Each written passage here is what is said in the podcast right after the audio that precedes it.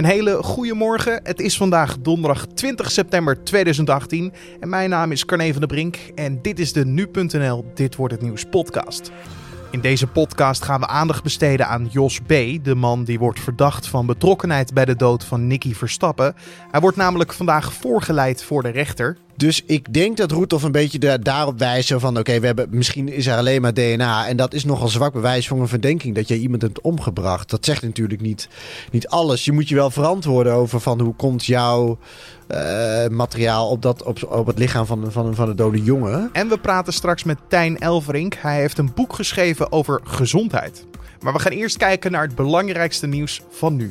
Zangeres Glennis Grace heeft America's Got Talent niet gewonnen. In de nacht van woensdag op donderdag werd de uitslag van de talentenjacht bekendgemaakt. De Amsterdamse zangeres zat niet bij de top 5. De winnaar van America's Got Talent werd uiteindelijk illusionist Shim Lim. Hij gaat naar huis met een miljoen dollar en een show in Las Vegas. De regeringsleiders van Litouwen en Slowakije stellen dat de onderhandelingen over de brexit en de grens tussen het Britse Noord-Ierland en Ierland zeer moeizaam verlopen. Dat zeiden ze na een diner tussen de Europese regeringsleiders aan de vooravond van de EU-top in Salzburg. De Britse premier Theresa May heeft tijdens dat diner een speech gegeven over het besluit van Groot-Brittannië om volgend jaar uit de EU te stappen. Volgens een Britse regeringsbron zou May een beroep op haar Europese collega's gaan doen om de onacceptabele Brexit-eisen die het land kunnen verscheuren te laten vallen. De Nederlandse overheid trekt 5 miljoen euro uit om tot een schikking te komen met mensen die ernstig ziek werden na een vaccinatie tegen de Mexicaanse griep. Dit blijkt volgens de Volkskrant uit de begroting van het ministerie van Volksgezondheid. Het gaat om een groep van 7 tot 11 mensen die als baby of peuter het vaccin Pandemrix kregen en daarna narcolepsie ontwikkelden. Bij deze slaapstoornis vallen mensen zonder aanwijsbare reden overdag in slaap. Ook kunnen de spieren plotseling verslappen bij heftige emoties. Zodra de inspectie Leefomgeving en Transport het groene sein geeft, beginnen eind dit jaar de eerste liveproeven met een zelfrijdende goederentrein op de Betuwe-lijn. De machinist wordt zo uiteindelijk overbodig, zo schrijft de Telegraaf. Nederland loopt daarin voorop. Volgend jaar komen volgens spoorbeheerder ProRail testen met personentreinen aan de beurt. Als eerste op het traject Groningen-Leeuwarden. En dan kijken we naar de dag van vandaag, oftewel dit wordt het nieuws. Jos B., de man die wordt verdacht van betrokkenheid bij de dood van Nicky Verstappen, wordt vandaag voorgeleid. B. zat tot dinsdag in beperking, wat betekent dat hij geen contact had met de buitenwereld.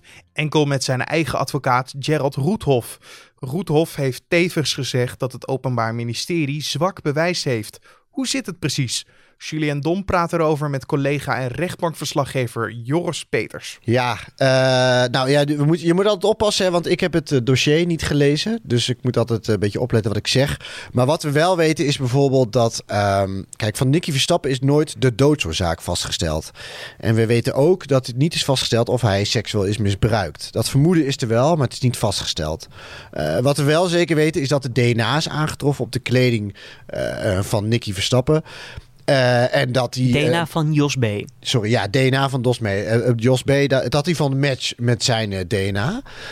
Um, dus ik denk dat Roethoff een beetje de, daarop wijst van... oké, we hebben misschien is er alleen maar DNA... en dat is nogal zwak bewijs voor een verdenking... dat jij iemand hebt omgebracht. Dat zegt natuurlijk niet, niet alles. Je moet je wel verantwoorden over van... hoe komt jouw materiaal op, dat, op, op het lichaam van, van, van de dode jongen...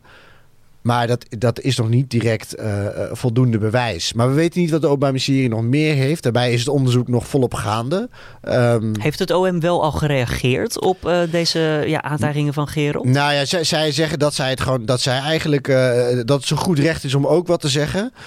maar dat zij het voor de rest in de rechtszaal verder zullen bespreken en niet, niet met de media. Kunnen we het dan zien als een tactische stap van de advocaat dat hij dit nu roept in de media? Nee, dat, dat denk ik niet. Ik denk alleen wel, kijk, hij had ook al gezegd gezegd over die beperkingen van van mij mogen die worden opgegeven al eerder, want ik wil ook mijn zegje doen. En gisteren heeft hij eigenlijk heel rustig gezegd wat ik wel alvast kan verklappen is dat ik vind dat het Openbaar Ministerie zwak bewijs heeft en eigenlijk geen zaak. Zover gaat hij zelfs. Um, nee, ik denk niet dat hij, dat hij dat als een tactische zet maar even in de media verspreidt. Maar uh, dat dit wel uh, ja, zijn mening is, ja. We komen dan even terug op ehm, ja, dat zwak bewijs weer. Want we zeggen steeds verdacht van betrokkenheid bij de dood van Nicky Verstappen. Ja. Maar eigenlijk weten we er dus ontzettend weinig over. Ja, we weten, er, we weten er niet heel veel over. Inderdaad, wat jij zegt is dat op dit moment de verdenking zo ver gaat dat hij verdacht wordt van betrokkenheid bij zijn dood. Maar omdat we dus niet de doodsoorzaak eh, niet is vastgesteld, kan je hem ook niet aan iets koppelen. Dus het, het, het wordt heel belangrijk. Gaat Jos B. eh, praten? En als je het nu hoort dat zijn advocaat zegt van er is zwak bewijs. Dan lijkt het dus ook niet op dat Jos B. eh, bekend. Hè, dat, dat klinkt misschien raar, maar ik bedoel, eh, dat, dat, dus hij zal dan waarschijnlijk zeggen dat hij onschuldig is. En dan wordt het een hele lastige zaak. Want ik denk dat deze zaak wel heel erg afhankelijk is ook van de verklaring van Jos, Jos B. zelf. Ehm, overigens heeft zijn advocaat nog niks gezegd over zijn proceshouding. Het kan heel goed zijn eh, dat hij wel al ver- ver- verklaring heeft afgelegd. Alleen de inhoud, ja, daar, daar zullen we nog even moeten wachten wat, dat, wat er precies is gezegd. Wanneer komt die inhoud naar buiten? Is dat al meteen deze donderdag? Of? Nee, nee, zeker niet. Nee, want wat, die zitting vandaag is ook achter gesloten deuren. Dus eigenlijk wat daar wordt besproken mag ook niet naar buiten komen. Dat mag, dat mag niet naar buiten worden gebracht door de advocaat en ook niet door het Openbaar Ministerie. Eh, de rechtbank zal wel met een bericht komen, maar dat zal waarschijnlijk sumier zijn van eh, Jos B. blijft nog 60 dagen vastzitten of Jos B. blijft nog 90 dagen eh, vastzitten. Ehm, wat natuurlijk wel kan zijn, is dat, is dat Roethoff ervoor kiest om vandaag eh, nog iets meer in te gaan op andere vragen. Bijvoorbeeld, hoe is die proceshouding van Jos B? Eh, spreekt hij vrij uit? Eh, zegt hij misschien wel van inderdaad hardop, ik ben onschuldig, ik heb hier niks mee te maken. Dat soort dingen, dat, dat kan nog eventueel nog wel vandaag naar buiten komen, ja. De rechter zal dan wel kijken naar verlenging van het voorarrest. Wat zijn dan punten waar, waar die rechter op let hiervoor, voor dit besluit? Nou, je hebt normaal gesproken, ik- kijk je naar bepaalde omstandigheden. Bijvoorbeeld is er sprake van vluchtgevaar, eh, de verdenking tegen een persoon, is er kans op herhaling. Dat soort dingen spelen allemaal mee. Blijft iemand vastzitten in een voorarrest. Maar ik denk wat het zwaarst wegend is, is dat eh, de geschokte rechtsorde. Dat betekent eigenlijk, stel nou, Jos B. zou nu op vrije voeten komen, dan zou dat zo voor zoveel onrust zorgen in de maatschappij, dat we ervoor kiezen om hem vast te houden. Dus ik, ik ja, ga er maar vanuit dat Jos B. dat, dat zijn voorarrest wordt verlengd. En hoe zit het dan verder met de zaak? Eh, wat staat er verder op de agenda? Nou ja, wat, wat we zeker weten is dat, dat er binnen drie maanden moet er een proforma zitting worden gehouden. Dat is een inleidende zitting. Hè. Dan wordt de tussenstand van het onderzoek wordt dan besproken. Eh, en die zal er waarschijnlijk voor het einde van het jaar nog wel zeker plaatsvinden. En dan is het dus echt een rechtszitting. En die is wel openbaar. Dus daar zullen wij ook bij zijn. Rechtbankverslaggever Joris Peters hoorde je. Koolhydraten maken je ziek. Van vet val je af. Tarwe en gluten zijn ongezond. En dan E-nummers. Die zouden volgens de ene levensgevaarlijk zijn, terwijl de ander er een ode aan brengt. Er is weinig waarover zoveel onzin wordt geschreven als over gezondheid. Zo begint dit boek Is Gezond, geschreven door Tijn Elverink. Dat zijn veel vragen waar we natuurlijk een antwoord op moeten hebben. En waarom heeft Elverink dit boek eigenlijk geschreven? Hoort Julien Dom in gesprek met Tijn Elverink. Ik las een eh, artikel eh, over eh, Angela Merkel. Dat zij een vergadering had in Brussel met allerlei regeringsleiders. En die vergadering duurde nogal lang, tot drie uur s'nachts. En haar eerste afspraak, zo stond in dat artikel, was s ochtends om zeven uur. Alleen niet in Brussel, waar ze dus was, maar in Frankfurt. Oh, ik dacht, ja, hoe, doet zij dat nou eigenlijk? Eh, En ik, ik ben een beetje gaan eh, rekenen van hoeveel uur slaapt zij nou per nacht. En ja, het leek me fantastisch als ik dat ook zou kunnen. Dus ik wilde eh, haar geheim wel weten. En ik ben op zoek gegaan naar haar geheim. Daarvoor heb ik heel veel wetenschappers gesproken. En die moesten mij, ja, stuk voor stuk, eh, stelden ze mij teleur. Want het geheim van Angela Merkel bestaat niet. Uiteindelijk is het toch roofbouw op je lichaam, geven zij aan. Maar wat zij wel allemaal zeiden, is dat je kleine dingen kunt doen. En kleine stapjes kunt maken elke dag die eh, ervoor kunnen zorgen dat je wat beter in je vel zit. Dus ik ben er zelf eens gaan googlen naar, eh, naar dat soort zaken. ja. En ik raakte meteen verstrikt in alle informatie die ik tegenkwam eh, over bijvoorbeeld koffie. In, het- in het ene artikel las ik koffie is goed en het andere artikel zei koffie is slecht. En nou zit ik best wel goed in de gezondheid en ik heb daar dagelijks mee te maken. En ik dacht, ja, als ik het al niet helemaal eh, weet, ja, hoe, eh, hoe kunnen anderen dat dan wel weten? Dus ik ben zelf op onderzoek uitgegaan. Ik heb een, eh, een hoogleraar gebeld op het gebied van cardiologie. En ik ben met hem koffie gaan drinken met mijn vraag over cafeïne. En hij heeft mij uitgelegd dat een kop of vier per dag is helemaal niet zo'n probleem. Koffie is niet het enige wat je hebt gedaan. Je hebt bijvoorbeeld ook gezongen in het concertgebouw. Waar is dat dan weer goed voor? Ik heb gezongen met Erik Scherder in het concertgebouw om te ervaren wat muziek nou met mijn hersenen doet. En uh, ik ben er ook achter gekomen dat uh, als ik sport met muziek, dat, die, die, uh, nou, een bepaald, dat muziek met een bepaald tempo ervoor kan zorgen dat ik, nou, dat ik langer kan sporten, dat ik het langer volhoud. En ik ben er ook achter gekomen dat nou, rustgevende muziek, en dat is ook echt wetenschappelijk aangetoond, uh, dat is dan vooral klassieke muziek van uh, snaarinstrumenten. Zorgt ervoor dat je beter kunt ontspannen. Dus dat is heel goed als je s'avonds uh, voor het slapen gaan naar die muziek luistert. Kun je dus makkelijker slapen. Ja, Tijn, wat staat er nou nog op jouw verlanglijst om verder te gaan in dat gezonde leven? Wat moet jij nu doen? Wat heb je veranderd? Nou, ik heb zelf allerlei experimenten gedaan.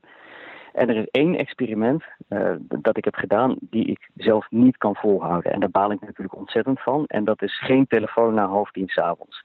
Nou ben ik zelf een goede slaper. Dus toen ik dat experiment ging doen om 30 dagen geen telefoon na half tien s'avonds te gebruiken, dacht ik, nou ja, ik ga het wel doen, maar ik slaap er vast niet heel veel beter van. Nou, het verbaasde me. Ik sliep dus daadwerkelijk beter en ik voelde me meer uitgerust de volgende ochtend. Alleen, ik kon het na die 30 dagen niet volhouden. De verleiding om s'avonds na half tien toch nog even op mijn telefoon te kijken, om nu.nl te checken, om een WhatsApp berichtje te beantwoorden, is gewoon toch te groot. En dan over eten, want uh, ja, als ik ontbijt, uh, soms zeker in het weekend, lekker eitje erbij, spek misschien wel, roomboter, volgens mij mag het allemaal niet. Heb je daar nog iets over, uh, ja, een tip voor? Mag het wel, mag het niet? Hoe komen we daaruit? Nou, ik denk niet zozeer dat het belangrijk is om te kijken naar wat wel en niet mag. Het, het grote verschil tussen bijvoorbeeld diëten en een leefstijlaanpassing is, van, met een dieet wil je stoppen. Het is altijd, ja, dat doe je niet voor je plezier. Maar als je je leefstijl aanpast en je zorgt er gewoon voor dat je over het algemeen gezond bent, dan mag je af en toe best een keer zondigen. Dus in het weekend een keer iets doen dat niet zo heel gezond is, is dan geen ramp meer. Sterker nog, doe dat ook vooral. En als je iets ongezonds doet, doe het vooral met anderen erbij. Tijn, dan nog een laatste vraag voor je. Ik bedoel, jij schrijft nu natuurlijk een boek over gezondheid, maar zoals je in de intro al zegt, er is weinig waarover zoveel onzin wordt geschreven als gezondheid. Wat maakt jouw boek dan anders dan al die andere boeken die we ook in het schap vinden? Nou, wat mij opviel aan heel veel uh, gezondheidsboeken, en met name uh, boeken over voeding, is dat heel veel van die boeken een extreme opzoeken. En dan wordt dan bijvoorbeeld gezegd dat je geen brood meer mag eten. Maar ik weet niet of je wel eens in een gemiddelde Nederlandse kantine of bedrijfsrestaurant bent geweest. Maar dan is het best wel moeilijk om geen brood te eten. Dus dat zijn doelstellingen die bijna niet haalbaar zijn.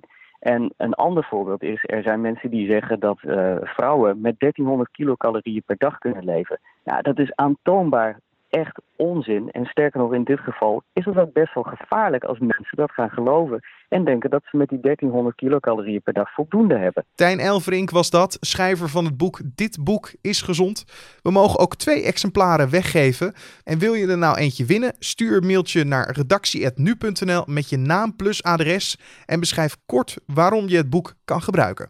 Nabil B., kroongetuige van het OM in het onderzoek naar de zogeheten Mokro-oorlog, krijgt in hoger beroep te horen of zijn straf van negen maanden cel voor verboden wapenbezit gehandhaafd blijft. De rechtbank in Amsterdam legde hem die straf vorig jaar op, omdat B. wapens bij zich droeg toen hij begin vorig jaar werd opgepakt. B heeft een reeks verklaringen afgelegd die bewijs zouden leveren tegen opdrachtgevers van liquidaties in het onderwereldconflict. Kort na de verklaringen werd zijn broer Redouan doodgeschoten. Bondscoach Maarten Arends heeft goede hoop dat zijn achtkoppige judo-selectie in ieder geval twee medailles in de wacht sleept op het WK Judo in Azerbeidzjan. Vandaag is het eerste beurt aan Amber Gersjes, Roy Kovijnberg en Tonieke Chitskadua, die in actie komen bij de vrouwen onder 48 kilo en mannen onder 60 kilo. Zij maken allemaal hun WK-debuut in Baku. Medaillefavorieten Henk Grol en Guusje Steenhuis maken later in het toernooi hun opwachting. En dan nog even het weer. Het gaat vandaag een mooie zomerse dag worden. Met temperaturen tussen de 20 en 26 graden. Het blijft vrijwel overal droog. En vooral in het binnenland is het erg zonnig. En in het noorden en westen komen meer wolkenvelden voor. En om af te sluiten nog even dit. Het gebied in Colombia waar de coca-planten worden geteeld is nog nooit zo groot geweest. De drug cocaïne wordt uit deze coca-plant gewonnen. En volgens een woensdag gepubliceerd rapport van de Verenigde Naties groeide het gebied in 2017 met 17% tot 2170 vierkante kilometer. Colombia blijft daarmee de grootste cocaïneproducent ter wereld, voor Peru en Bolivia. De marktwaarde van deze hoeveelheid drugs in Colombia is 2,3 miljard euro. Dit was dan de Dit wordt het nieuws podcast voor deze donderdag 20 september. Elke ochtend om 6 uur ochtends vind je natuurlijk de Dit wordt het nieuws podcast op de voorpagina van nu.nl of in je favoriete podcast app. Wat vond je van deze uitzending? Laat het ons weten via redactie.nu.nl of laat het weten via een recensie op iTunes. Mijn naam is Carne van der Brink en voor nu een fijne donderdag en tot morgen.